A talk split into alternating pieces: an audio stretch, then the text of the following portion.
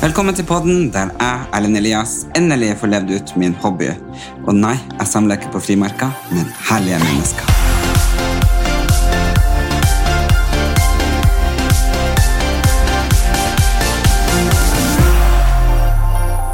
Eh, Velkommen til eh, meg, han Erlend Elias. Og i dag så har jeg ei jente eller dame med meg. Det får vi funnet ut etter hvert. Um, jeg har jo kjent henne veldig, veldig lenge, og så samtidig så kjenner jeg henne ikke. Men her i dag så håper jeg at både jeg og dere som hører på, kan bli bedre kjent med selveste Karina Dahl. Wow, for en intro! Ja, velkommen hit. Tusen takk, så artig at du har starta pod. Ja, du vet, det, folk har jo forskjellige ting eh, som de samler på. Og eh, jeg samler jo ikke på frimerker eller eh, andre nips og naps, men gode mennesker. Ja.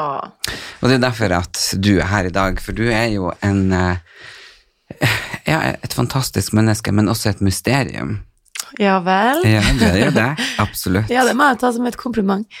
Ja, for det er jo, jeg tror jo at veldig mange vet eh, hvem du er på veldig mange måter, men så vet de liksom ikke alt. Så vi kan jo starte med hvor du er født.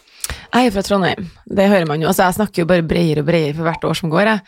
Så folk sier jo sånn 'ja, bor du i Trondheim, du, eller?' Jeg bare 'nei, der har ikke jeg bodd på 15 år, du', men Nei.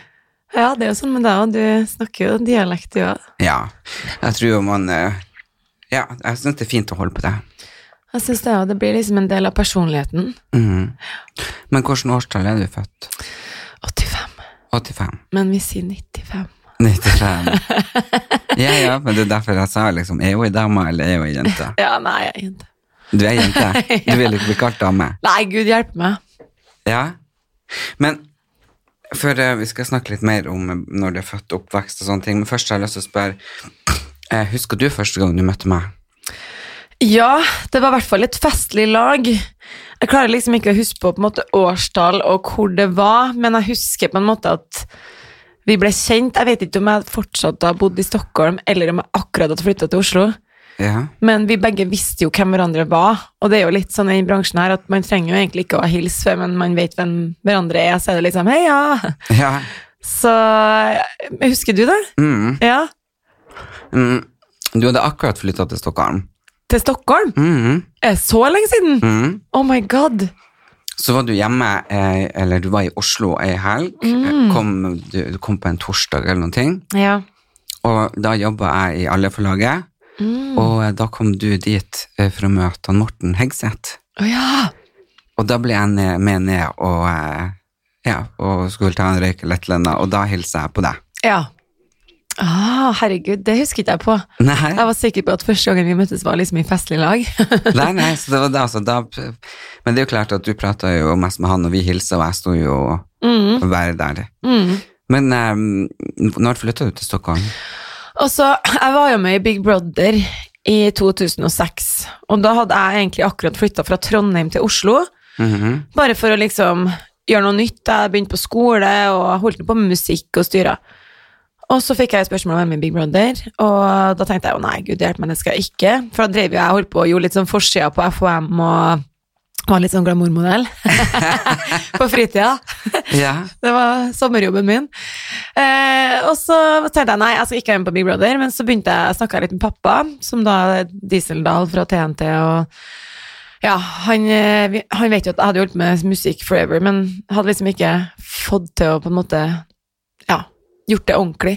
Nei. Så tenkte vi, ok, med Big Brother, det kan jo være en inngang, og da var jo, det her var jo på en tid der reality ikke fantes nesten, det var jo bare Big Brother. Ja, ja, absolutt. Så da la vi en plan, da gikk jeg i studio med Stargate, og så eh, gjorde vi en låt med dem, og så gikk jeg inn i huset, var der i fire måneder, slapp låten mens jeg var i huset, og når jeg kom ut hadde jeg liksom fullbooka turné, og da var man jo bare superkjendis plutselig, og det, var, det tok jo helt av, altså, måtte jo ha vakt på flyplassen, og det var liksom sånn, det var sånne tilstander på den tida der, for det, nå i dag så er jo alle kjendiser eller influensere, men da var Ja. det liksom så få. Uh, og da møtte jeg jo da en svenske i Big Brother, Uh, som jeg var så forelska i da. Så da flytta jeg liksom til Stockholm, jeg da, midt i all balubaen som var i Norge. Men Big Brother var jo i både Sverige og Norge. Så da fikk jeg på en måte høsta barturneer og sånn i Sverige, sammen med han typen min som jeg bodde med der, da. Ja. Og, og så fikk jeg turnert rundt i Norge, så jeg reiste frem og tilbake da. Og det var jo da i 2006, da. ja. Så bodde jeg i Stockholm i seks år, mens jeg fortsatt jobba en del i Norge, helt til jeg innså at det ikke gikk noe mer. Så i 2012 så fikk jeg tilbud om Tigerstaden, TV-programmet med Linni og Mari og gjengen. Ja, ja, ja. Og da flytta jeg tilbake til Oslo, så nå har jeg bodd der siden 2012. Sier du det? Mm. Men um, hva så skjedde med han kjæresten i, i Stockholm? Du, det var egentlig bare um, Herregud, vi var jo vi, vi var jo begge to i Big Brothers. Når vi kom ut, så var vi på en måte Hadde alle øynene på oss, og det var jo veldig rart, men eh, det var også veldig fint på mange måter. Og eh, ja, ja, du kan jo kanskje sammenligne litt med liksom, Du har jo en kjent bror, og dere gjør jo mye sam ting sammen i media eller whatever, jobber. Mhm. Og det var jo litt sånn som med Anton som jeg var sammen med, da vi gjorde masse kule ting sammen, fordi vi hadde eh, det yrket da, på en måte. Så var vi jo sammen i fire år, men eh, etter hvert så var det vel egentlig bare at forelskelsen og kjærligheten tok slutt, og jeg var jo veldig ung når jeg ble sammen med han, jeg var jo 20-21 år. Ja. Så ble liksom plutselig veldig satt inn i et sånn samboerforhold i Sverige, og med den jobben man har som var over alle hauger, og så skulle man liksom være samboer i Sverige samtidig, og det Ja. Tror du du hadde en annen karriere i Norge i dag hvis du ikke hadde flytta til Sverige da? Jeg vet ikke helt. Jeg tror liksom at alt har skjedd til sin tid, og at de fire årene jeg hadde i Stockholm, så hadde jeg jo en karriere der også, ikke sant? Ja. Uh, på den tida der. Og det var jo på en måte før Instagram og før alt, egentlig. Ja. Men da hadde vi jo Da var man jo kjent der og gjorde barturneer og forsider og det ene og det andre. Og jeg hadde jo en karriere i Norge parallelt, for jeg turnerte jo ja, to-tre år, i hvert fall. I Norge, selv om jeg bodde i Sverige, da. Men jeg merka liksom på slutten av Stockholmsoppholdet mitt, da kjente jeg sånn Nå er jeg bare midt mellom barken og veden. Nå var det ingenting som funka, og jeg jobba liksom litt i klesbutikkene til han eh, som jeg var sammen med, og jeg kjente på at det, altså, det her, jeg er ikke happy nå. Og da var det sånn, nå, nå må jeg bare gjøre noe, da kom jeg ut av det forholdet, og så var jeg liksom singel og hurra meg rundt, og så liksom fikk jeg det tilbudet om eh, Tigerstaden, og så sier jeg bare nå må jeg tilbake til Norge. Og det var jo egentlig da det virkelig løsna sånn på nytt, på ordentlig, da. Ja. Mm. Men du er født i 85. Hvor er han? Trondheim, I selve Trondheim? Mm. I byen? i byen. Ja, hvor i byen? Jeg vokste opp på Heimdal. Ja? Ja. Bor, bor eh, foreldrene dine der fortsatt? ja. Det gjør det. Har du mange søsken? Jeg har ei søster som er 27, og så en bror som er 16. Ja. Så dem er hele gjengen i Trondheim. Har du mye kontakt med dem? Ja, veldig. Veldig nært forhold til hele familien min. Så det er ikke sånn sammensveisa familie? Ja, altså pappa er jo gift på nytt med mora til broren min, og vi har alle kjempegodt forhold. For jeg så du, nett, så du la ut på verdensdagen for psykisk helse og dedikerte til mor di. Mm. Ja, det har jo vært altså sånn Hva skal man si? Du sa jo innledningsvis at uh, folk kanskje vet hvem jeg er, men kanskje ikke vet så mye mer enn det, da. Mm. Og det kan jo være veldig rosenrødt og sånn på Instagram, man legger jo ofte ut ja, sånn som hverdagen er, da. Og jeg har jo blitt ganske knallhard med årene mine, og det er jo kanskje mye fordi jeg har jo hatt en mor som har slitt veldig psykisk. Og det er å Det å på en måte Hvordan skal jeg si det her, da, uten at det blir helt feil, men eh, mamma var jo alenemor med oss i lang tid, og det var jo, hun var jo dritbra mor, liksom, for all del. Men jo eldre vi ungene blir, jo mer skjønner vi Mm. hvordan det egentlig er, da. Og da byttes nesten rollene litt, så det er nesten sånn at jeg blir litt mora til mora mi. Ja, ja for, for det kan jeg, jeg kan kjenne meg igjen litt der at Mm. eh, når man blir voksen i gåsøya, jeg vet jo ikke når man blir voksen, Nei. men at man plutselig ser de voksne med et annet blikk, og så får man nesten sånn aha-opplevelse. Bare sånn, åh, er det sånn du er? Mm.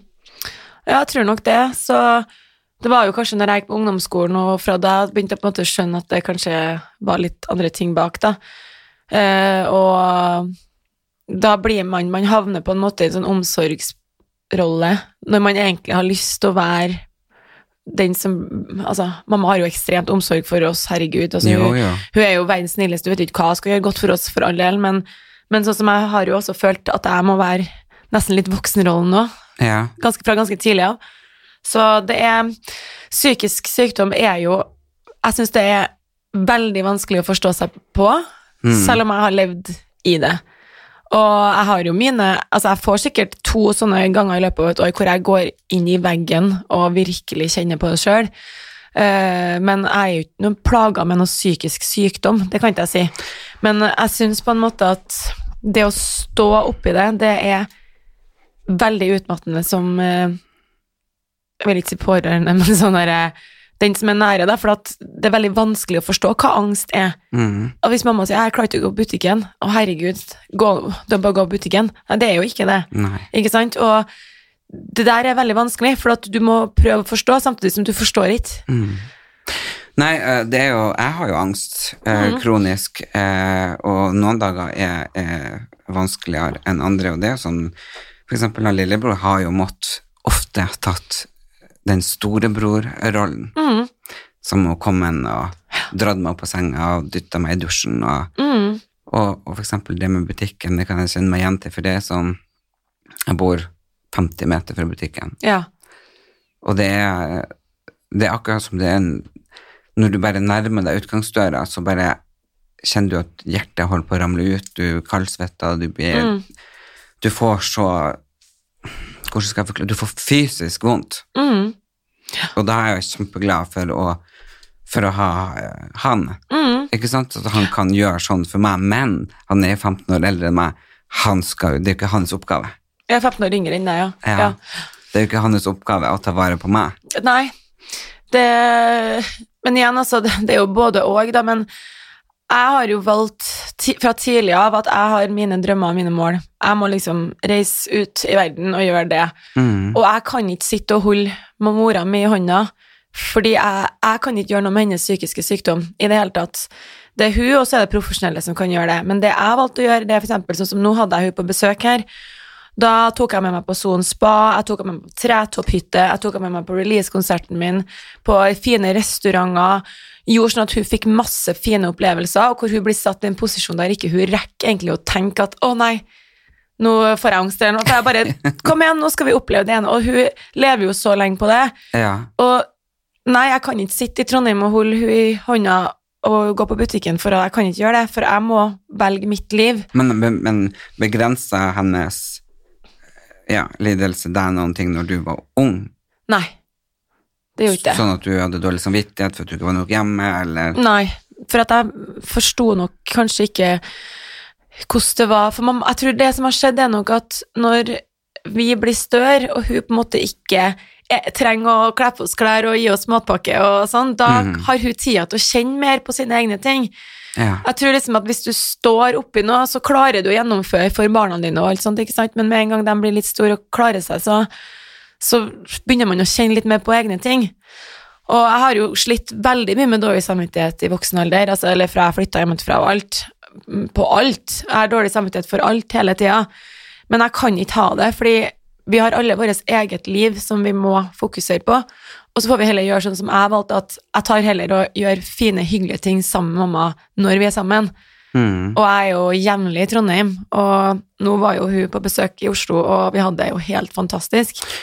ja, for jeg tror ikke det er så mange som kan egentlig se det her ut ifra det som du legger ut på sosiale medier. Nei, altså, man vil jo Det har jo nesten blitt veldig inn å være veldig åpen om sånne ting, og det syns jo jeg er helt fantastisk, men til meg så handler det jo om andre personer som man i utgangspunktet ikke ønsker å utlevere. Mm. Men, men igjen så er det jo Mamma har vært veldig åpen med sånne ting sjøl, og det, det, det funker bra, liksom. Men, men øh, jeg velger jo heller å fokusere på høydepunktene, og så kan jeg heller gjøre låter til inntekt for ja, psykisk helse, helse eller eh, barn som dør i mors liv, som vi har opplevd i vår familie, eller kreftforeninger som vi har opplevd i vår familie, og så man heller kan gjøre det på den måten, at man slipper låter til inntekt for, eller lager eventer til inntekt for, sånn. Mm. Men jeg, jeg ønsker, eller jeg har aldri ønska å være noen sånn offerrolle i mediebildet, på en måte. Nei, og det skjønner jeg. Mm. Men du sier at eh, ja, var det mor di som mista et barn? Ja. Det tror jeg nok også har vært et sånn trigger for Har den vært eldre eller yngre enn deg? eh, fem år yngre. Så jeg var fem år når det skjedde. Ja. Mm. Så du vet ikke, psykisk, altså, psykisk sykdom, jeg vet ikke om det er noe som er medfødt eller noe som kommer, men jeg tenker jo kanskje at det er noe som kanskje er medfødt, øh, men så opplever du ting i livet som trigger det, Ja, og så enten så slår du ut mot det eller ikke. ja ikke sant. Det er nesten sånn som jeg kanskje Men du har- sier du møter veggen to ganger i året cirka. Hva, hva, hva du gjør da, hva som skjer? Nei, altså sånn som I sommer så hadde jeg jo en veldig lang sommerturné, og det er jo helt nydelig at man klarte å gjøre det midt i koronaen, Mhm. men det var jo eh, ikke da med vanlige honorarer. Sånn, da spilte jeg på døra, som det heter. og Det vil si at jeg spiller konsert for billettinntektene, så kommer ikke folk, så tjener ikke jeg penger. Så jeg var jo alltid livredd hvis det kom noen folk. Altså, det, kom jo, det var jo fullt på alle konsertene, men du har en sånn stress hengende over deg hele tida. Og i tillegg da, at jeg spilte to-tre konserter i helgen, så hadde jeg liksom lagt opp det kjøret med liksom norgesferie kombinert med turné. Jeg hadde liksom en ny bil, om det var en Tesla med seng i, eller om det var en bobil, eller om det var takteltbil.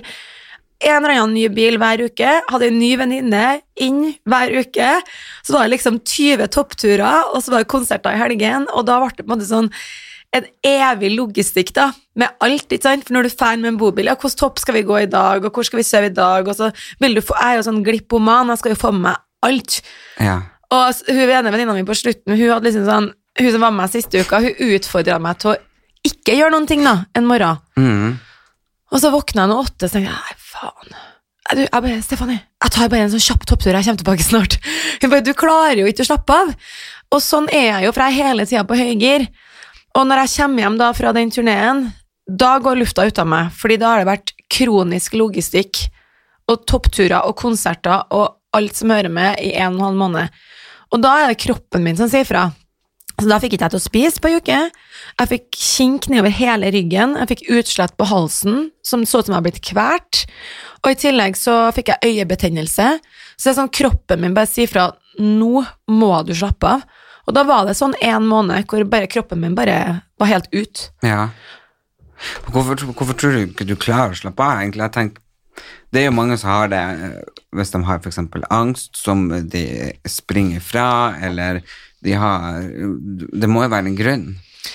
Ja, jeg, jeg vet ikke, altså. Jeg har jo alltid jobba for meg selv, og du vet jo sjøl, det er jo ingenting som skjer av seg sjøl, så man må hele tida være i gang.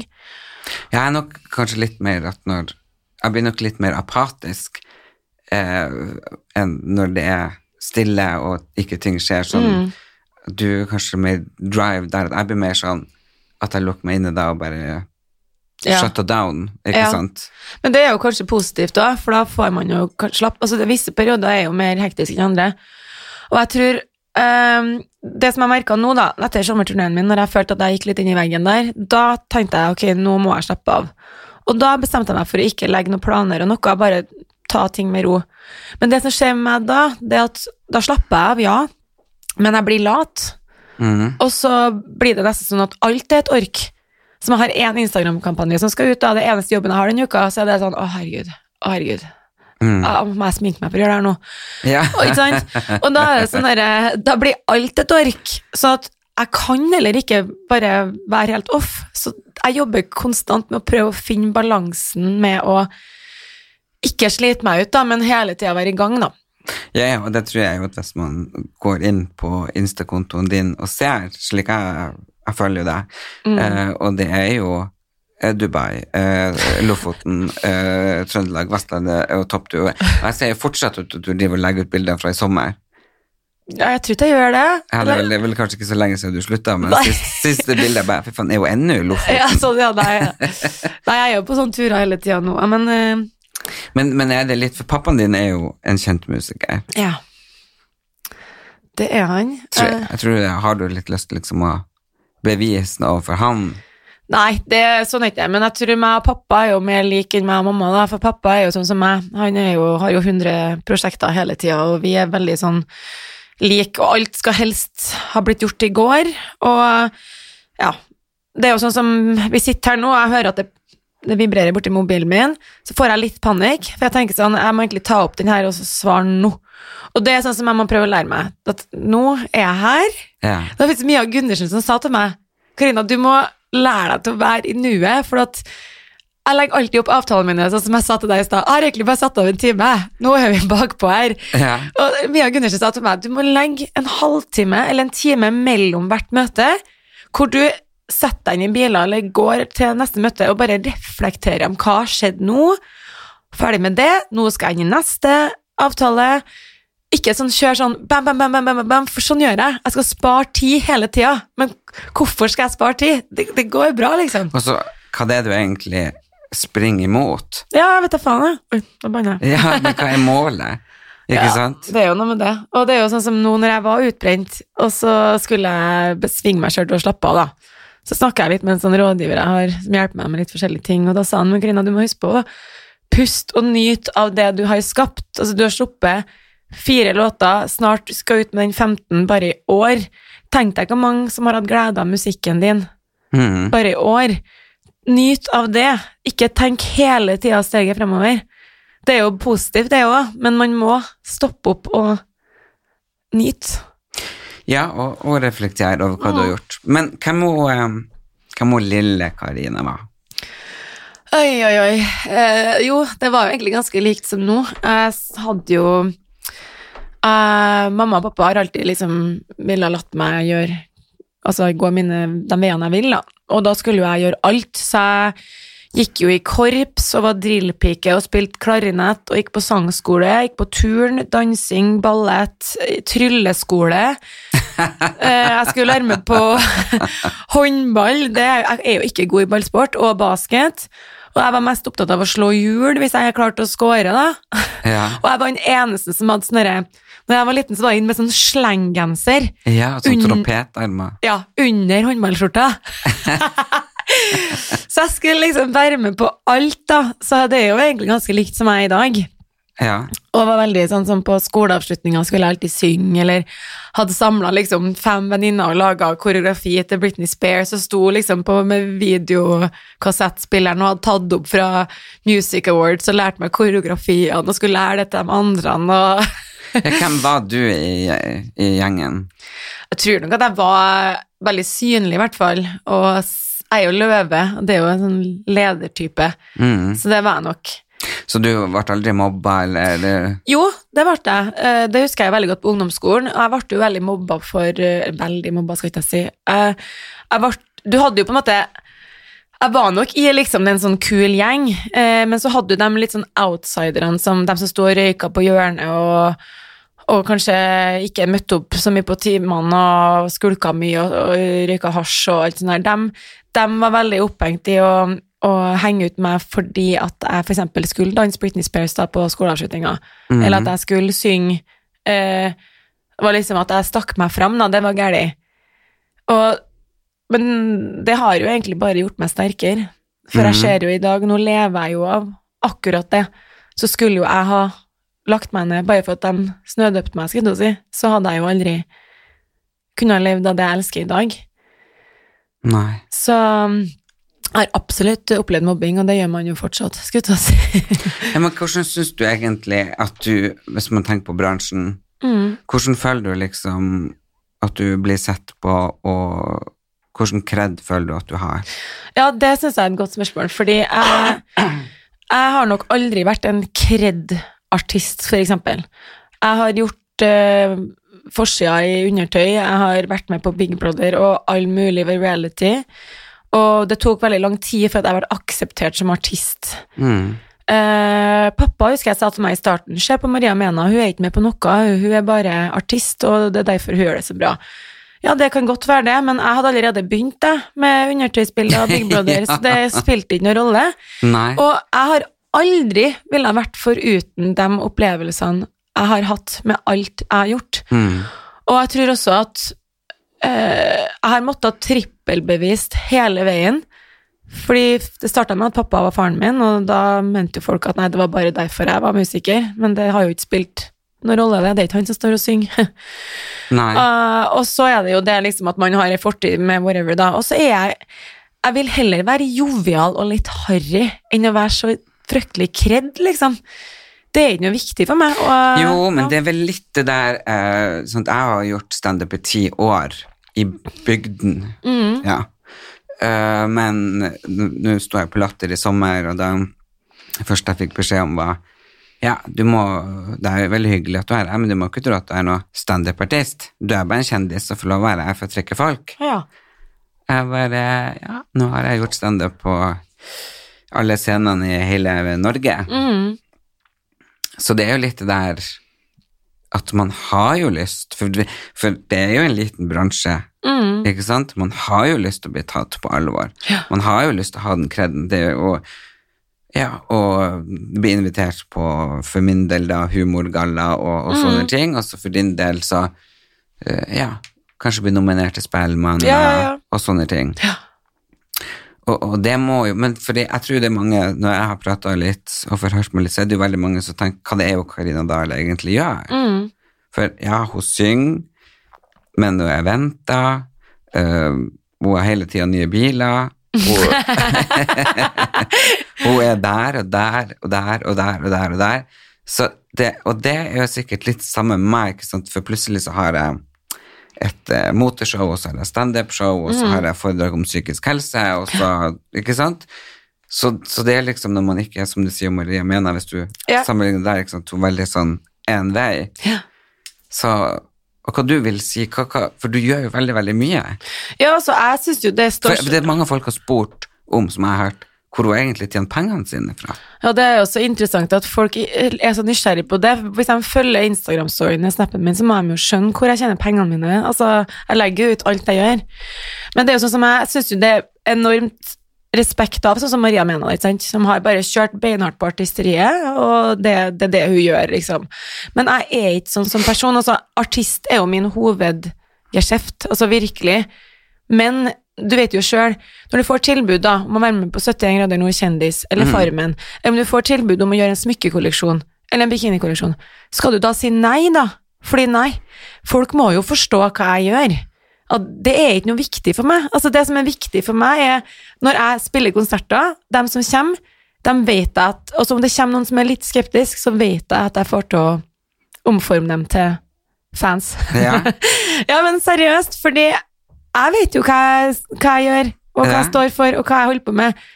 Men jeg syns jo det er interessant. Sånn, jeg, jeg kan forstå at folk blir sånn forvirra over at jeg har, gjør mye, men det er veldig typisk Norge at da skal du bare gjøre en ting, og folk forstår liksom ikke om du har flere bein å stå på, da.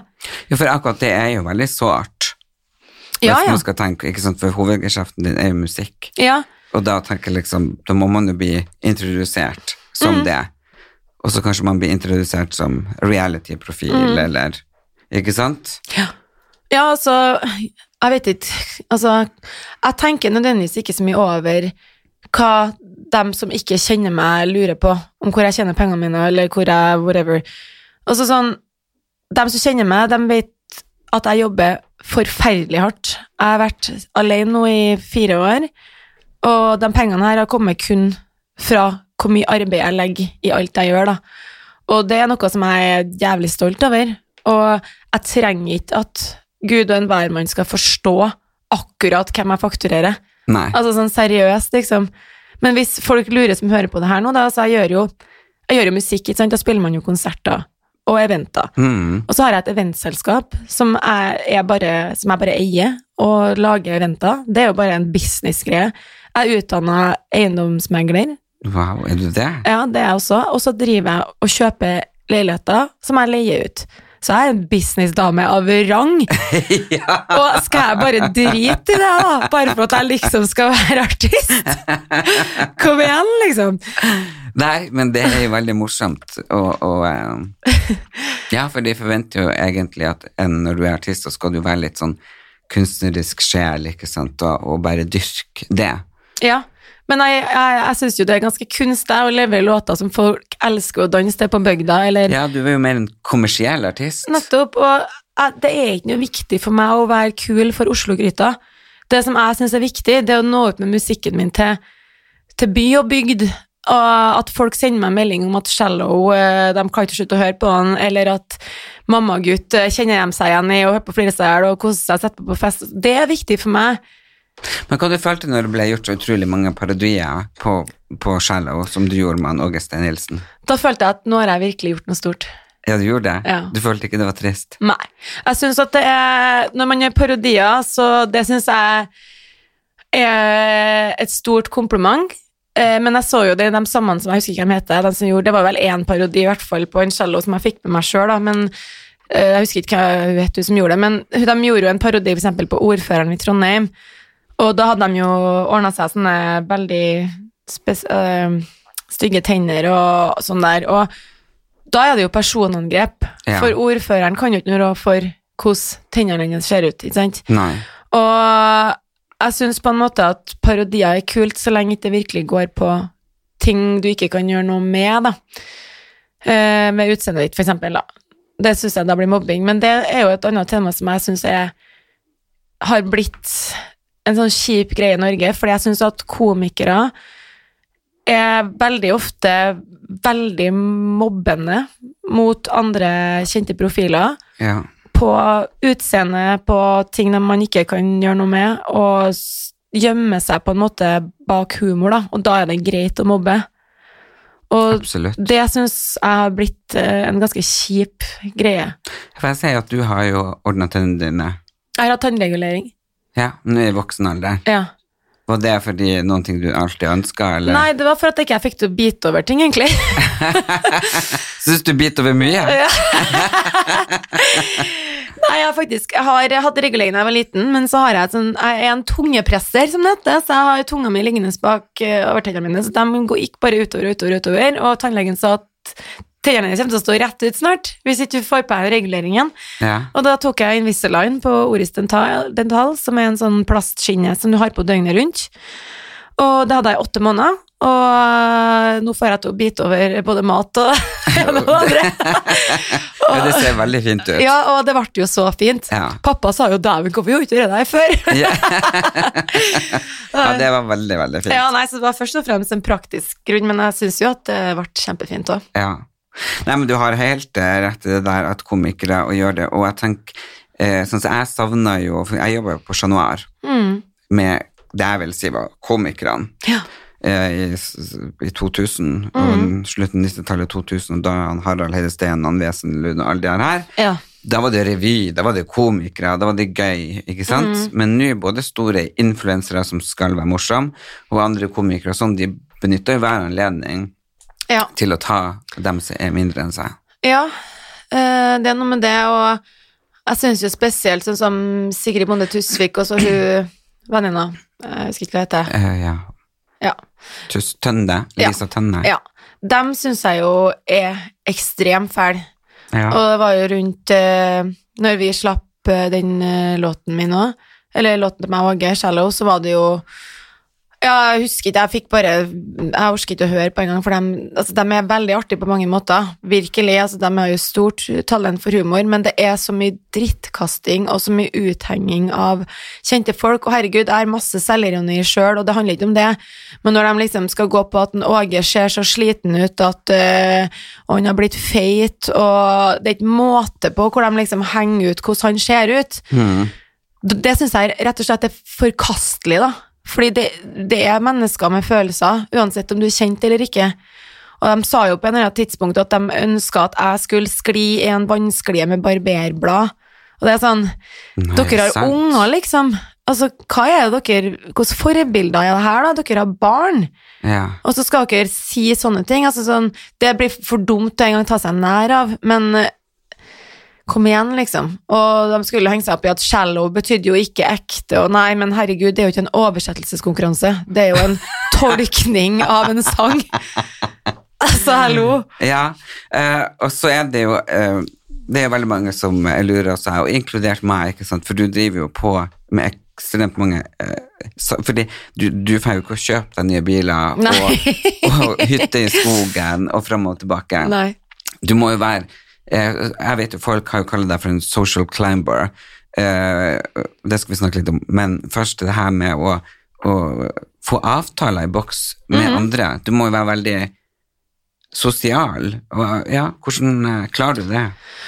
Jeg tror nok at gjennom så mange år så har jeg jo bygd opp et stort nettverk, og du har jo kjent meg såpass lenge, og jeg er jo bare snill og grei. Mm. Jeg er jo ikke en slem person som har kyniske Altså, jeg burde jo kanskje vært mer taktisk i ting og det ene og det andre, men jeg er jo bare snill og grei mot folk jeg liker. Mm. Um, og nå har det jo Som influenser i dag, så får du jo kasta avtaler etter deg. Og jeg er jo flink til å gi tilbake også. Mm. Uh, det starta jo altså for eksempel med Ja, jeg begynte å bo på Klarion uh, Granola i Trondheim for tre-fire år siden. Så syns jeg jo hotellet var så koselig, så da legger jeg jo bare ut masse stories sånn. Og da sier de til meg du Karina, du, du legger ut så mye, og vi får så mye gjester av deg, at du kan bare få bo gratis du når du er i Trondheim her, mot at du legger ut reklame. Ja, men herregud, så fantastisk. Og så holdt jeg avtalen med dem i tre år, og så bytta de eh, eh, ja, folk som jobba her, ble bytta ut og alt mulig rart, så det, da avtalen på en måte opphørte. De ville heller satse på liksom andre ting. Og da tenkte jeg ok, nå må jeg ordne meg en ny avtale. Sendte jeg en mail til Comfort, eh, skrev hei, eh, ydmyk eh, forespørsel om å ta et møte rundt et samarbeid, bla, bla, bla. Ta et møte med et samarbeid, ordne, skriv avtalen med dem. Altså, sånn, det handler jo bare om at de fleste er jo interessert i å reklamere for tingene sine, og er du Og så er du genuint interessert. nettopp Mm. og jeg har jo en ambassadøravtale med Tesla i Norge. Det er jo en av to bare som har. Og Oi. de er jo kjempefornøyd med hva jeg gjør tilbake. Og da kan du bare låne en bil når du vil, og Ja. Og så er det jo eh, på en måte en del av lønna òg, da. Altså når man jobber med det vi gjør, så har man jo ikke noe sikker inntekt egentlig i det hele tatt. Nei. Eh, og da er det jo på en måte de tingene jeg har spons på, det er jo folk som har lyst til å jobbe med meg, og som er fornøyd med det jeg leverer, og jeg er fornøyd med det jeg får. Ja, for det er jo mange som spør eh, meg liksom når jeg legger ut sånn Ja, får du produktet og penger? Mm. Ja, det er jo forskjellige typer avtaler, da, men, men sånn som for eksempel eh, at jeg får eh, vipper og frisørtimer, da. Det vil jo jeg se som en del av lønna mi, da, for at jeg sparer de pengene, Mm. og så rekker er reklamerer jeg mer for dem. Og så er det jo litt der at man skal jo hele Men føler du noen gang det presset om å se bra ut hele tida? Ja, det er At jo du har en viss stil. Du sa jo en morsom ting på vei inn hit, at du har om stilen din. Ja, jeg syns jo på en måte at det er en veldig fin uh, linje, balanse mellom unik og harry. Ja. Og der står jeg liksom på balansen hele tida. Men jeg syns på en måte at det er bedre å være liksom jovial og harry enn å på en måte være stiv og kreddig. da, vet du hvordan jeg skal forklare det. Jo, men jeg er helt enig. Jeg, Ja. jeg, jeg vil jo egentlig sette meg i samme bås. Ja. Fordi Ja, jeg syns jo Jeg syns jo faktisk det er mye hyggeligere å være rundt i Norges land og ha show enn Ja, ja. i Oslo. Selvfølgelig er det. Og det å komme og, så Jeg husker det var, jeg skal spille på Grong nå, som er et lite tettsted i Trøndelag. Så er jeg noen Å, Grong, og herregud, sier folk. Ja, er ikke det fantastisk, Ja. Folk elsker å komme og høre på musikk der. Ja. Så hva er det? Det er jo det som er jobben min. Å reise rundt og spille for folk som elsker å komme på konserter. Altså, du kan jo ikke be om noe bedre. Nei.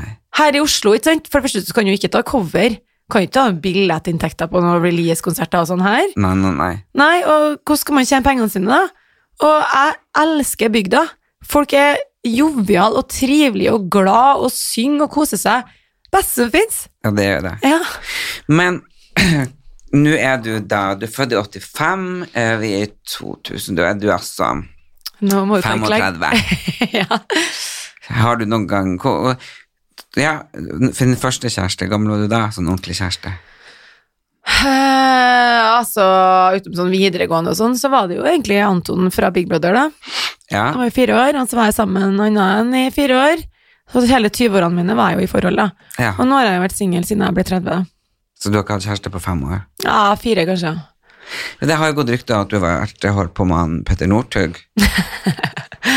Ja, det har vært mye rykter om oss. Jeg har jo kjent fyren siden Har det vært noen romanse i det hele tatt?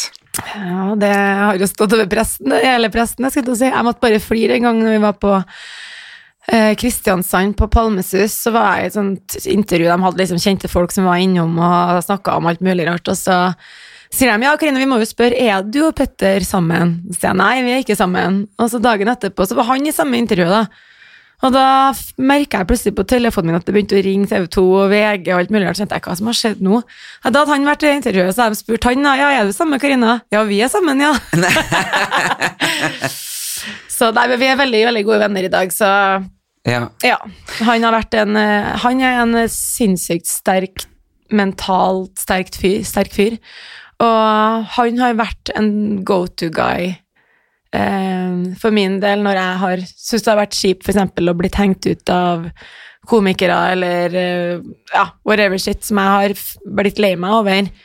Eh, så har han vært ekstremt flink til å på en måte være litt sånn mentor for hvordan jeg skal tenke. Ja, for vi skal liksom prøve å komme inn på et, en spalte, og det er liksom Hvis du kan komme med de tre eh, verste opplevelsene eller nedturene i livet ditt. Åh, jeg prøver jo egentlig alltid å fokusere på det positive, jeg, da. Eh, så det er litt vanskelig liksom å sette og si på en måte sånn spesifikke sånne ting. Altså, jeg føler jo på en måte at det er jo alltid mye nedturer, men det, det meste er jo egentlig positivt. Mhm. Så Men har du hatt noen opplevelse som du, du føler liksom Det glemmer du ikke? selvfølgelig, når jeg mista lillebroren min da jeg var fem år, det glemmer jeg jo ikke. Nei. Selvfølgelig. Og så er det jo samme sånn som med mormor, som var min beste, beste venninne.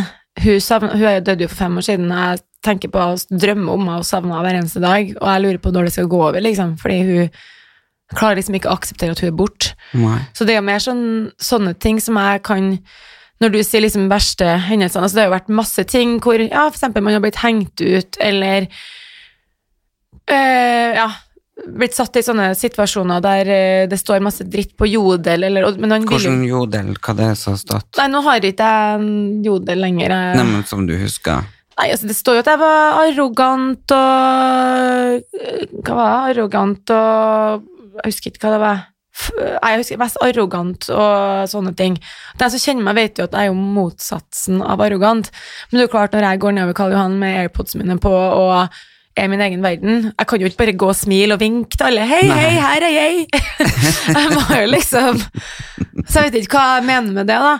Og så er det jo liksom, Du nevnte jo et ord som var 'social climber'. Det, det er også som jeg kan bli litt Ja, for det har jeg jo hørt. Ja, men det, du ikke, Hva betyr det? Nei, nei, jeg har jo også tenkt på det, for jeg er jo sånn som ofte i selskap også sitter eh, og lytter Mm. eh, med kanskje de med bordet ved siden av, ikke mm. sant? For jeg, kanskje jeg sitter på telefonen og rørt, og så hører de prate, og, og med en gang når de begynner å prate dritt, sånn, så kjenner jeg liksom det bobler i Mm. av, av for noen ting som kanskje jeg hater mest her i verden, det er Ja, baksnakking det er og urettferdighet. Mm, samme her. Og jeg, jeg blir så eitrende forbanna. Mm. Og da eh, hørte jeg det en gang, og, og, og social clambers, det er jo litt det der at du henger med folk som er kjent, mer kjent enn deg, eh, kanskje som har høyere rang, posisjon, veldig opptatt av hvem man skal vises med, hvem man skal ta bilde av, sammen med, for liksom å heve seg sjøl. Det syns jo jeg blir helt sykt på jorda si, da. Fordi jeg er jo en person som har ofte tenkt at jeg kanskje burde være litt mer sånn. Ja. Men jeg har jo Mine nære venner er jo ikke kjent. Og dem som er nære venner som kanskje har en posisjon i Norge som kanskje ikke nødvendigvis er kjent, men en eller annen posisjon som folk vet om, de ønsker jo ikke å figurere på min Instagram og Snapchat, så jeg legger jo aldri ut av dem vennene, for eksempel. Nei. Ikke sant? Og når jeg går på løper, så har jeg enten gått med Linni eller deg, eller Alex Alexander, eller Jeg hørte de prate, de sa jo det samme om Linni. Ja, det syns jeg er så rart, fordi både meg og Linni, vi er egentlig personer som omgås med veldig få av eh, andre kjente eller, eller eh, profilerte mennesker, da. Eh, så jeg syns det er så rart å si, fordi jeg husker når jeg bodde i Stockholm, så har jeg veldig mange eksempler på så, sånne type folk, som de velger bare Men du det, kan jo se i ja. bursdagsselskapene mine, da, eller på releasekonsertene mine, Ja. hvem som er der. Det er jo ingen som Nei, Hvis du skjønner hva jeg mener? Ja, jeg skjønner akkurat ja, hva du mener. Så jeg syns at det er liksom så langt på jord Du kan si at jeg er harry, du kan si at jeg er jævlig god på å ordne avtaler. Ja, det er liksom. Jeg er en kremmer, og jeg er en gründer, og jeg er alt det der. Det er helt greit. Men jeg vil ikke si at jeg er en social climber, fordi mine venner er på en måte ikke noen som har tatt meg noen vei sånn, Nei. hvis du skjønner. De har vært der for meg som nære venner, men that's it. Ja. Harry, det syns jeg er kult. Ja, jeg òg. sånn, Harry is the new black. Ja, Harry is the new cred. ja. Nei, så den, den, den kjenner jeg blir litt sånn forbanna av å høre, faktisk. Jo, Ja. jeg, jeg har også blitt kalt det, og mine venner er stort sett 65 pluss, altså Ja. det nærmeste. ja, ikke sant? Og en del av de, eller de fleste er uføretrygda. Ikke sant? Men det er jo, de driver med healing Ja, og frem og tilbake, og det er bare for at det er så vanvittig deilig å senke skuldrene og være med noen som er der i nuet. Nettopp. Ja. Og jeg, er, altså, jeg reiser så mye, så når jeg er hjemme, så elsker jeg bare å være hjemme, sitte på dataen, jobbe litt, loffe rundt, dra på trening. Jeg, altså, vennene mine nesten har nesten sluttet å spørre meg om å være med på ting, for at jeg er jo så mye borte, og i tillegg når jeg er hjemme, så liker jeg mitt eget selskap. Ja, Der har jeg følelsen uh, Nanna, og det er fordi jeg føler at du er på ting hele tida. Ja, jeg jeg, har, jeg har mange ganger tenkt jeg bare, fy faen, jeg har hun ADHD, liksom. Det har jeg helt sikkert, men jeg er det på ting hele tida, og det er derfor når jeg først kommer hjem, Ja. så syns jeg det er så deilig å bare sånn ah, lukke verden, jeg lukker ikke verden ut, men ikke ha noen sosiale avtaler. Men bor du fortsatt i den leiligheten vi så på Lomma på Silje? Ja, Ja. det gjør jeg. Og der så vi jo at du har en kjempeinteresse for klær og sko og ja, altså jeg, jeg kjøper veldig altså Jeg vil ikke si billige klær, men jeg kjøper ikke merkeklær. Jeg handler jo på Big Book og Sara og HM, liksom. Ja. Og Nelly og alt det der. Så går jeg jo veldig mye treningstøy, så det har jeg jo mye av. Men uh, jeg kan uh, unne meg ei fin veske innimellom. Men, Men eh, um, ja. hva er det Nevn det største høydepunktet i livet ditt, som er bare sånn Å, herregud. Åh, så det der spørsmålet syns jeg er så fæl! Ja, Jeg klarer liksom ikke å tenke sånn på ett, liksom. du kan ta tre. Um, altså, jeg syns jo på en måte Det å stå på Grand Prix-scenen har jo vært veldig stort. Ja. Det har jeg gjort tre ganger, og det er jo litt sånn wow. Ja, det er wow. Det syns jeg jo. Uh, og så er det jo på en måte Jeg har jo hatt mål på firmaet mitt. Hvor mye jeg har omsatt, eksempel, et år og sånne ting. Det har jo vært stort, for jeg har tenkt bare sånn Shit, det her har jeg gjort helt sjøl, liksom. Mm. Det er jo målbare ting.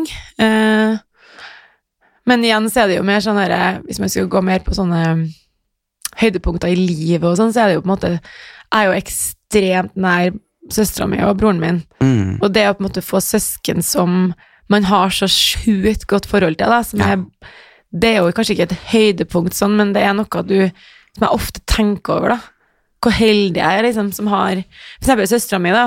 Jeg kan tenke meg Hun er åtte år yngre enn meg, men hele livet så har det dreid seg veldig mye om meg. Ja, det kan jeg Ja. For at, sant? Ja, der er vi veldig like. Ja, og det er jo ikke noe bevisst, det. Det er jo ikke de, du som Nei, det har skjedd. Mm. Jeg har valgt en vei, og det har vært sånn. Og det er jo klart at når vi er i selskaper og sånn, så syns jo kanskje tanter og onkler det er spennende å høre om Farmen eller om 71 eller om altså whatever, ikke sant? Og Amanda, hun er, jeg spurte spurt henne noen ganger, hun er jo veldig med, mye mer innadvendt enn meg, så jeg spurte henne, syns det er ubehagelig at det oftest, for jeg er jo veldig sånn, jeg nesten, blir nesten flau når jeg må snakke om meg sjøl, så jeg er litt sånn, ja, Amanda, har du fått seg ny jobb da, eller? Ja. Men hun bare Nei, vet du hva, hun plager ikke i hele tatt. Og um, jeg spurte henne flere ganger Syns du liksom det Hun bare ønsker deg godt. Ja, hun bare ønsker meg godt. Og hun bare er så stolt. Og hun bare Når jeg spilte et releasekonsert her om dagen, hun bare 'Herregud, Grena, du har aldri sunget så bra.' 'Herregud, du er så flink, og jeg blir så stolt.' Og, altså, hun er bare sånn min største støttespiller, da. Og så hjelper jo hun meg med masse til å hente meg og kjøre meg, og bla, bla. Og da blir jeg sånn herre Ok, her har du to svartsekker med klær, liksom. Vær så god. Ja. Altså, det er sånn gi og ta, men, eh, men hun er veldig heldig med hun, for hun kunne ha vært sånn sjalu, ikke sant? Ja. Jo, men der Ja, jeg vil veldig trekke slutningen til meg, søstera mi og lillebror. Herregud. Og der tror jeg vi er jævlig heldige. Ja, jeg er jo gal. Jeg hadde ikke klart meg uten min familie. Nei, Det er det Det- viktigste i mitt liv. virkelig, men så er det jo litt sånn som Um, Jeg har jo vært alltid veldig selvgående og får ting gjort. Ja, du virker veldig selvstendig. Ja, veldig. Nesten litt for mye, kanskje, for visse mannfolk. Men, men jeg er bare sånn Jeg har jo spurt familien min kanskje om hjelp noen få ganger, og da har bare vært sånn Det der klarer du sjøl. Sånn som Søstrene mine har fått hjelp til å kjøpe seg leiligheter, bla, bla, men jeg har aldri fått hjelp med en dritt. For de bare tar for gitt at jeg, det klarer jeg sjøl. Og det har jo også vært litt sånn sår greie, for at jeg òg trenger jo iblant hjelp, Mm. men jeg har liksom aldri fått det på den måten som de andre søstrene mine har, fordi at jeg er så selvgående sjøl, da. Ja, men du har jo et veldig sterkt ytre. Ja. Det virker jo som at det Ja, Mm. som det er jo eh, Alt preller av. Vann på gåsa. ja, det gjør jo ikke det. Altså, sånn, jeg, jeg er jo en veldig sårbar og emosjonell person. Det er du. Ja, det er jeg, men, men jeg har ikke Det er ikke så mye valg, da. Altså om, om folk tror at jeg er en social climber, eller om jeg har en sugar daddy, da får de bare tro det. Hva skal jeg gjøre, liksom? Har du har de Jeg har de trodd at Ja. hadde sugar daddy? Ja ja, de skjønner jo ikke vet du, hvordan jeg klarer å leve. Men, men jeg tror ikke folk vet jeg, hva man får for å være med på TV-programmer. Eller, altså, jeg har jo hatt solbrillekollisjon, smykkekollisjon, bikinikollisjon. Jeg har hatt masse låter spilt, masse konserter, masse eventer. Jeg gjør, Og du har gjort så mye. mye. mer enn kanskje de uh, musikerne som blir båret på gullstol og hedra uh, med kred opp herifra til helvete. Ja, altså, jeg er jo en kontrollfrik, så jeg klarer jo ikke å slippe ansvaret til noen andre, så jeg Nei. gjør jo hele jobben sjøl, ikke sant. Men, uh, Ikke sant? men jeg, jeg tenker liksom at vi får ikke gjort noe med hva visse folk tror og mener og alt sånt, og da er det ikke noe vits å legge seg ned og bli lei seg over det. Nei. Og så har eh, ei god venninne av meg sagt at Karina, du oppfattes sånn og sånn, eller det må du tenke på. Da hadde jeg kunnet tenkt sånn, oi shit, fuck, det her må jeg ta til meg. Ja. Men når det kommer fra liksom Jodel og dem Hva var det for Petter som sa Og liksom outcasten av samfunnet som sitter og hater på, på folk som gjør det bra, liksom. Ja. Altså, la dem nå bare gjøre det. Det er ikke noe vits å henge seg opp i. Og det har tatt meg mange år å klare å legge det fra meg.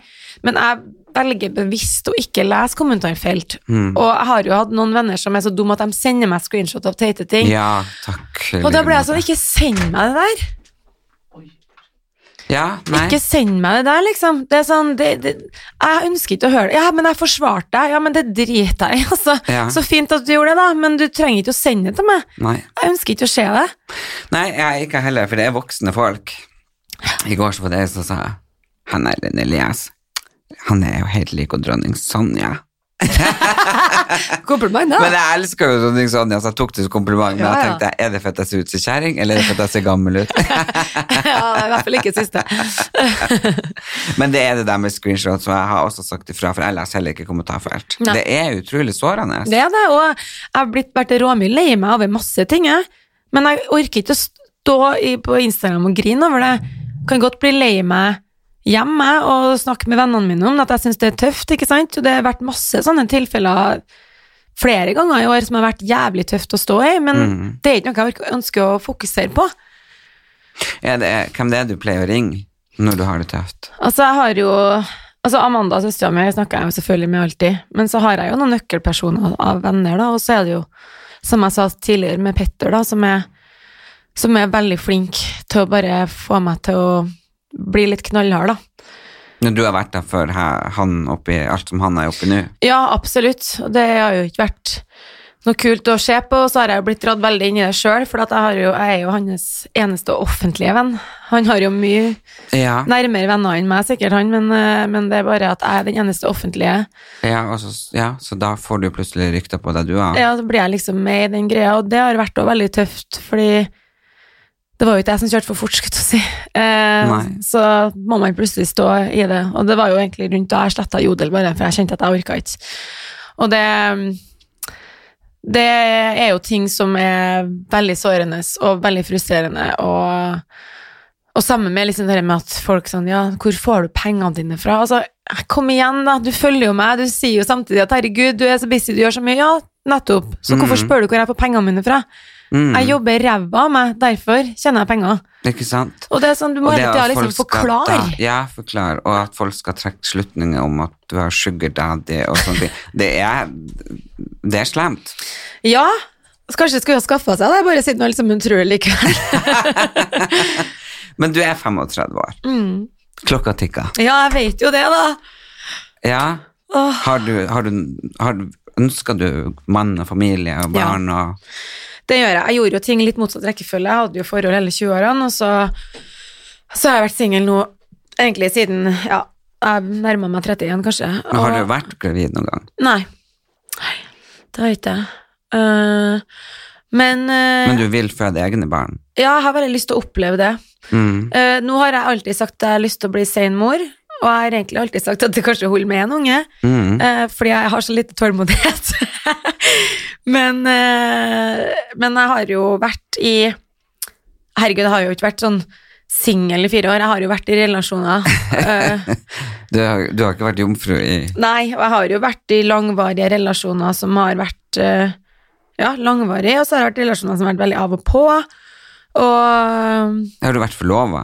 Nei. Aldri? Nei. Men hvor du treffer de guttene?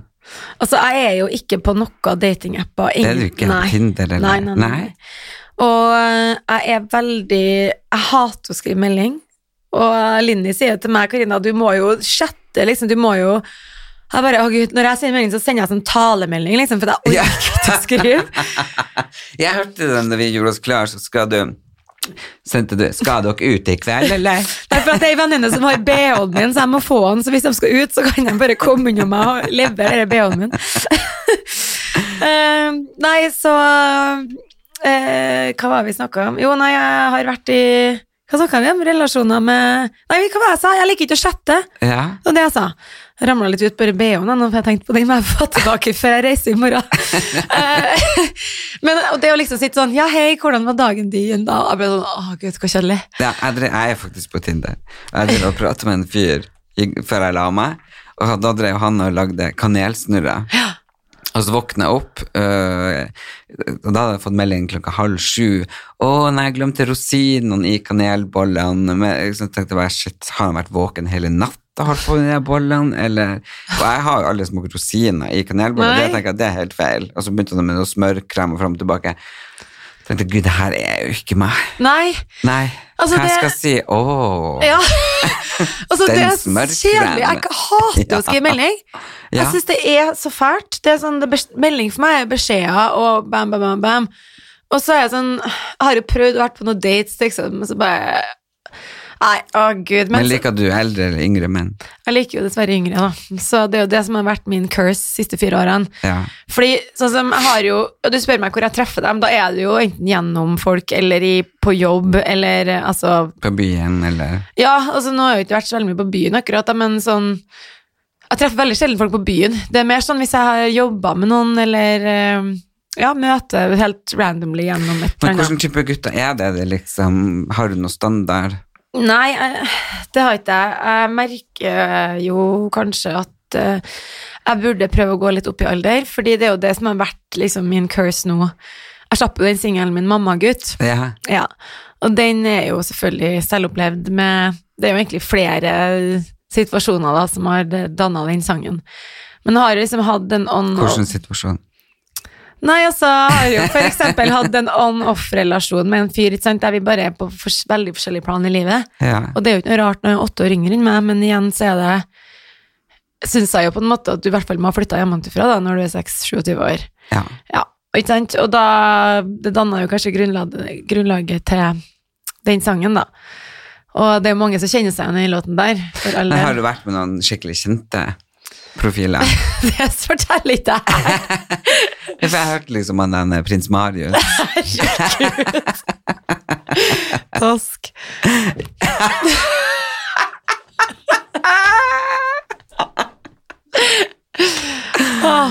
Jo, men jeg tenkte liksom Det må jo være deilig å være så vakker og fin som deg at du, du kan velge og vrake. Oppi alle øra, ja. Ja. Ja, nei, altså det, det er jo Det er jo på en måte Jeg vet jeg farsken, nei, men jeg er jo veldig Jeg tar jo vare på kroppen min sjøl. Jeg trener jo og Ja, og det spurte jeg lillebror om her om dagen. Ja. Har hun Karina fylt opp rumpa? For fy faen, for ei deilig, svær Du kan få se den uten bukse etterpå nå, hvis du vil. Ja, men da sa han til meg Alle som trener, trener like mye som hun, de får ei sånn rumpe. Ja, Kom deg ut, Erlend! Ja, det er faktisk flere som har spurt meg om det, men hvis du ser Jeg husker når jeg gikk på ungdomsskolen, så hadde jeg hadde jo sånn rumpe da òg. Ja. Og jeg var så flau, for mamma kalte det sånn 'Å, eplerumpa di'. Jeg bare, herregud. Og jeg gikk med sånn dobbel hold-in-strømpebukser under buksene mine, for jeg var så flau at jeg hadde liksom sånn sprettrumpe, da. Ja. Men nå er jo det så inn, ikke sant? Så tenkte Ja, jeg bare, ja, men endelig. Og hvis du ser ræ- ræva til morsan nå, så skjønner du hvor jeg har det fra. Og jeg trener jo fire til sju ganger i uka, tung styrke, og Ja. jeg spiser veldig mye på restaurant. Så rumpa her er et resultat av ja, god mat og veldig mye trening. Ja, nei, jeg så det, for du la ut et bilde med en sånn treningstights uh, som var veldig flink, og den fikk jo så Ja, du har jo sånn treningssted som går litt sånn inni rumpa, da er det jo sånn Ja. Husk på det, det er vinkler, og det er det ene og det andre, vet du. ja.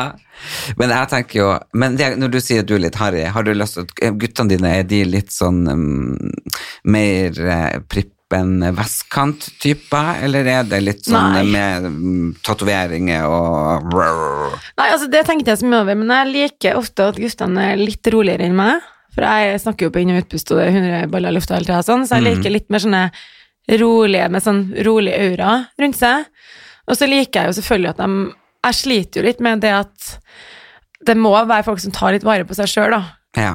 Um, og det er jo sånn som når man er i den alderen vi er i nå, eller ja, jeg vet ikke hvor gammel du er, men, men da er det jo ikke gitt at mannfolkene på en måte Det er ikke sånn at du må ha eightpack, men det går jo an til å liksom se litt sunn ut, da. Mm. Eh, og da er det jo ofte at man går litt yngre, da, ikke sant? for de er kanskje litt mer spenstige i kroppen. Jo, men også, og det er jo veldig mange sikkert på 35 som vil kalle seg for dame, men du jo, vil jo kalle deg for jente. ja, i hvert fall i kroppen. Er ikke det? Ja. Nei, Men jeg vil jo kalle meg for gutt. Ja. Hvis noen sier bare 'Å, du er en trivelig mann', jeg bare 'what ja. fuck'? Hva sa du nå? Hvor gammel tror du jeg er? Ja. Ja, nei, det, det er veldig der. Men jeg liker liksom folk som Jeg må være med menn som har et driv og ambisjoner, og som som, ha, som har ting på stell, for at jeg orker ikke noe sånn Og så må de jo være ja, ting på stell og ærlig og, Ja. Og jordnær, og jeg har jo opplevd ikke sant, det at han ikke var lojal, og han var ikke ærlig, og han var utro. ja, ikke sant? Har du opplevd noe utroskap? Ja, ja, ja. Opplever alt sånn sånn der. Så, så, så, sånn er det, er jo det som er kjipt. Så er det jo kanskje møter du en da, som du ikke er noe Jeg orker jo ikke sånn festfyrer heller, liksom. Så Nei. jeg møt, møter jo en som er veldig rolig, ikke fester, bla, bla, men han drikker jo ikke vin engang, ikke sant? og jeg elsker jo å ta meg et glass vin til maten. Det er jo ikke et problem, men du misser liksom mye av det ja. som jeg syns er koselig. Men så, så er det kanskje andre ting som er problemet der, da, så tenker jeg, men det går jo ikke an å få i pose og sekk, ikke sant? Nei. Og man blir jo bare særere og særere med årene òg. Driver du og hooker med noen nå? Nei Det har vært en litt sånn on and off-relasjon en ganske god stund, så det Men det er litt sånn når, vi, når jeg er den alderen jeg er i nå, så går ikke an å holde på liksom i et år uten å på en måte gjøre noe veivalg, da. Nei. Så det er litt sånn derre Ja, hvor du er om fem år? Ja, altså forhåpentligvis så jeg jobber jo meg i hjel med alt mulig rart, da, men eh, det er jo ikke noe sånn at man må pensjonere seg fra noe i vårt yrke, egentlig. Man kan jo gjøre alt mulig rart. Jeg trives jo veldig godt sånn som jeg har det, med, med å gjøre musikk og ja, TV og Instagram og i det hele tatt. Men er du i Oslo? Ja, altså jeg ser ikke for meg å flytte tilbake til Trondheim, men jeg tenker jo at om fem år, da bør jeg kanskje begynne å tenke på å få meg en unge, i hvert fall, hvis så, ikke det så du er ikke gift Jo, ha jeg, barn? håper, jeg håper jo det. Ja. Men jeg har aldri, jeg vært spurt om det her i et intervju her om dagen, faktisk. Jeg har aldri hatt noe sånn derre Ja, jeg må ha to barn før jeg er 30, og så da må jeg bo der, og da skal jeg flytte tilbake. Altså, jeg har aldri hatt et sånt mål. Um, jeg har på en måte latt livet og jobb og sånt bare ta meg til der jeg skal, på en måte. Og, men jeg må jo jeg har jo kom, liksom Den mammagutt-sangen jeg nettopp slapp, den var jo nesten et sånn oppgjør med meg selv òg. Fordi jeg kan ikke holde på å jatte rundt med unge gutter som det ikke er på en måte noe liv laga med, hvis du skjønner. Nei. Så jeg må begynne å heller Jeg må heller være for meg sjøl, og ikke drive og tulle sånn som det der. Og heller på en måte finne noen som det går an å satse litt på. Jeg kjenner at jeg er klar Ja, for det. Du, du er klar? Ja, du ja, ja. kjenner det? Mm. Men uh, har Karina noe slags fobi? Ai, Klaus. Har du? Ja. Grusom Klaus. Så ditt største mareritt er å bli stengt inne i Altså, jeg kan ikke sitte bak i baksetet på en bil med tre dører. Du vet sånn som ikke Ja. Det kan ikke jeg. Nei? Men, men hvordan realiserer du? Du har vært med Big Brother, 71, 71 Farmen, Masterchef, Fire stjerners jeg husker ikke. jeg- Hva du vil trekke fram som det kuleste 71. og det verste? Uh, det er ikke noe som er det verste. Jeg syns alt har vært gøy. Jeg syns Farmen var litt sånn ensformig. Ja, på Torpet og Farmen der. Ja. Men eh, ja. Da kommer vi til eh, den eh, en av våre første eh, faste spalter her. Mhm. Og eh, du må vel marry, fuck, kill. Og herrfred. Og du må velge mellom norske mannlige kjendiser. Ok. Men skal du gi meg liksom noe Jeg tenker at du skal få plukk. Ok, hva var det da? Gift- Marry, Ja? fuck, kill. Så det er jo å gifte med, ligge med og drepe. Mhm. Eh, akkurat nå som jeg føler det Norske mannlige kjendiser? Ja. Ja. Eh, da kunne jeg drept Morten Ramm. Så må vi ha en liten begrunnelse. Ja, for han la ut et sånn forferdelig stygt innlegg der han blanda inn navnet mitt som jeg ikke hadde noe med å gjøre. Ok, ja. Eh, og så eh, Mary Å, fy faen. Hvem skulle det vært, da? Petter Stordalen. Og begrunnelse. For at han virker så forferdelig artig og eksentrisk å være med, og um, han vet jeg trener masse, og så er han jo en sinnssykt flink businessfyr som jeg tror jeg kan lære masse av. Men han er absolutt ikke roligere enn deg. Nei, det var det jeg begynte å tenke på nå. og fuck. Da tror jeg faktisk jeg tar Mats Hansen, for han kunne, tenkt seg, han kunne sikkert tenkt seg å bli litt sånn ordentlig trollpult. så han blir litt sånn Slutt å være så sint hele tida. Ja, kanskje det ville ha løsna litt opp. på Ja. Jeg er så sint på han hele tida. Ja, Har du lyst til å eh, komme med noen bekjennelse på tampen her? nei, altså, jeg, har, jeg tror egentlig vi har bekjent ganske mye til deg nå. Ja. Herregud. Vi har jo snakka om alt mulig rart. Er du ekte? Kroppen ekte? Alt er ekte på meg. Du skal få se meg i trusa etterpå hvis du vil. Skal vi kle av? Alt er ekte. Ja, ikke håret. ikke vippene heller, for den saks skyld. Nei, balla det på seg. Ja, ja, ja, nå kommer det, vet du. Ja, nei, jeg har nå egentlig åpna meg om masse til det nå. Jeg er jo en åpen person, egentlig, så selv om ikke jeg velger å skal snakke om alt på Instagram-bildene mine og sånn, så er det jo når jeg kommer i sånne settinger, så er jeg jo åpen for å snakke om det meste. Mm. Mm. Og det tror jeg man kommer veldig langt med. Mm. Jeg sier jo at jeg er jo veldig eh, personlig Mm. på Insta og i media, Ja. men jeg er ikke privat. Eller sånn sånn. Ja. Jeg er privat. Sånn der. Ja. Og det er to forskjellige ting. ja, selvfølgelig. Mm. Det er noe med det. Men jeg føler jo at du har jo kommet i dag og åpna deg og vært litt sånn Jeg tror at alle sånne demoner og litt ting som folk har trodd og tenkt og sånne ting, kanskje man kan få avkrefta. Jeg har jo gjort eh, Jeg føler jo at når man er med på TV-programmer og sånn, så Men, men du må jo ha gjort noen ting som er litt sketchy. Har du ikke noe juicy sketchy? Jeg- jo, det jeg. Nei, men jeg bare prøver å tenke hva kan det Hva kan jeg si av de tingene? Ja, ikke sant? Nei, altså, jeg tror ikke det er noe sånn veldig altså, du, du må slutte å stille meg sånne åpne, vanskelige spørsmål, men jeg kommer liksom ikke på noe som er sånn Å, det har jeg gjort, liksom. Har du møtt noen Hollywood-kjendiser? Ja, ja. Hvem? Altså, det var jo stort oppslag, husker jeg. Altså, jeg har jo møtt masse. Leonardo DiCaprio og Puff Derry og Paris? Hilton og Jeg var jo sånn stort oppslag om meg og eksen til Paris Hilton, han Doug Reinhardt. Ja. Ja, ja, vi eh, hang jo litt i LA der en periode. Da har jeg møtt eh, Kiss og Ja, jeg har møtt masse, masse kjente.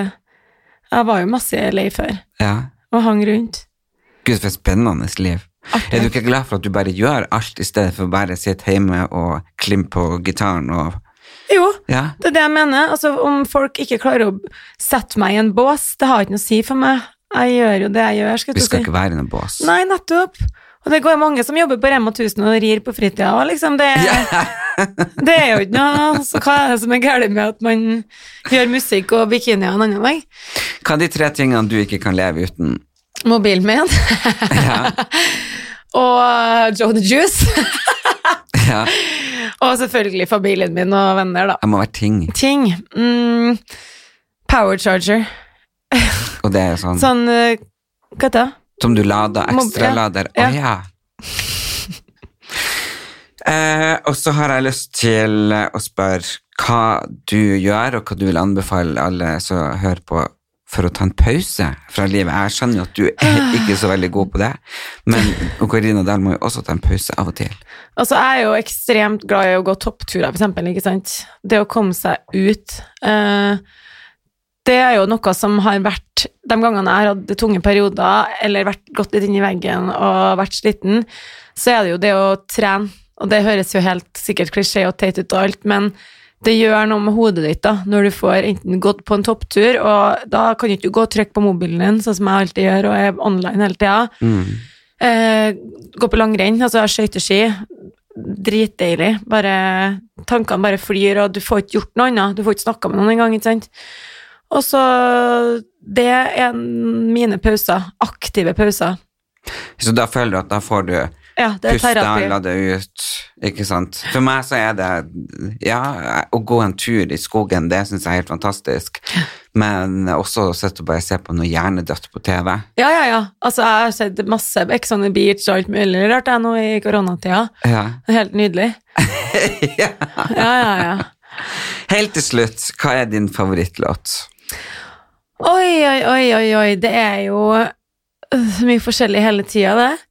Men jeg er jo veldig glad i country. Jeg òg! Oh my Ja. god! Og det er en låt som heter Tequila. Å, Ja. Kan det du- er Dan and Shay. kan du refrenget? And when I taste tequila, take me to the da. Jeg husker teksten nå. For jeg skrev om den på norsk bare for artighets skyld her om dagen, og så nå har jeg blanda alt. Ja, den er dritfin. Jeg har ikke gitt den ut, da, men den er Herregud, så så kult. fin. Ja, for jeg er så glad i Nancy Griffith. Å ja, hun vet jeg ikke med. Hæ? Hun vet jeg ikke med. Jo, hun vet jo hvem jeg er. Ja. Det er um, Det er bare helt vanvittig. Men eh, det var jo veldig gøy at du er opptatt av country, for det er jo ikke så veldig Jeg mange. elsker country. Du gjør det? Ja, ja, ja. Jeg bruker jo å si, si det, at uh, jeg elsker country og svensk pop. Jeg òg. Da har vi helt lik Jeg drar er jo på, festivaler, liksom dance band, sve, svensk Å ja, pop. sånn, ja, nei, det er ikke helt med på, men jeg Jo, er på liksom liksom Ja. Sandén og Jo, jo, det ja. men sånn ordentlig gode, så det er um, Nei, så du burde absolutt uh, sjekke ut henne hvis du liker uh, country. Men jeg tenker jo at uh, du skal få ønske deg en sang, og jeg pleier jo at gjestene får ønske seg, men jeg har jo lyst til å ønske meg den som du har med han Åge. Ja! For den er jo så fin. Tusen takk for at du kom, Karina. Tusen takk for at jeg fikk være her. Vi snakkes. Hei, hei! Tell me something, girl. Are you happy in this modern world? Or do you need more? Is there something else you're searching for? I'm bothering. In all the good times, I find myself longing for change.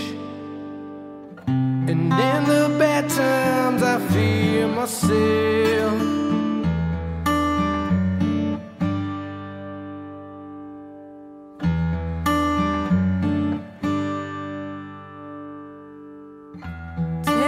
Something, boy. Are you tired trying to fill that void? Or do you need more? Ain't it hard keeping it so hardcore? I'm falling. In all the good times, I found myself longing for change. And in the bad times, I fear myself. I'm off the deep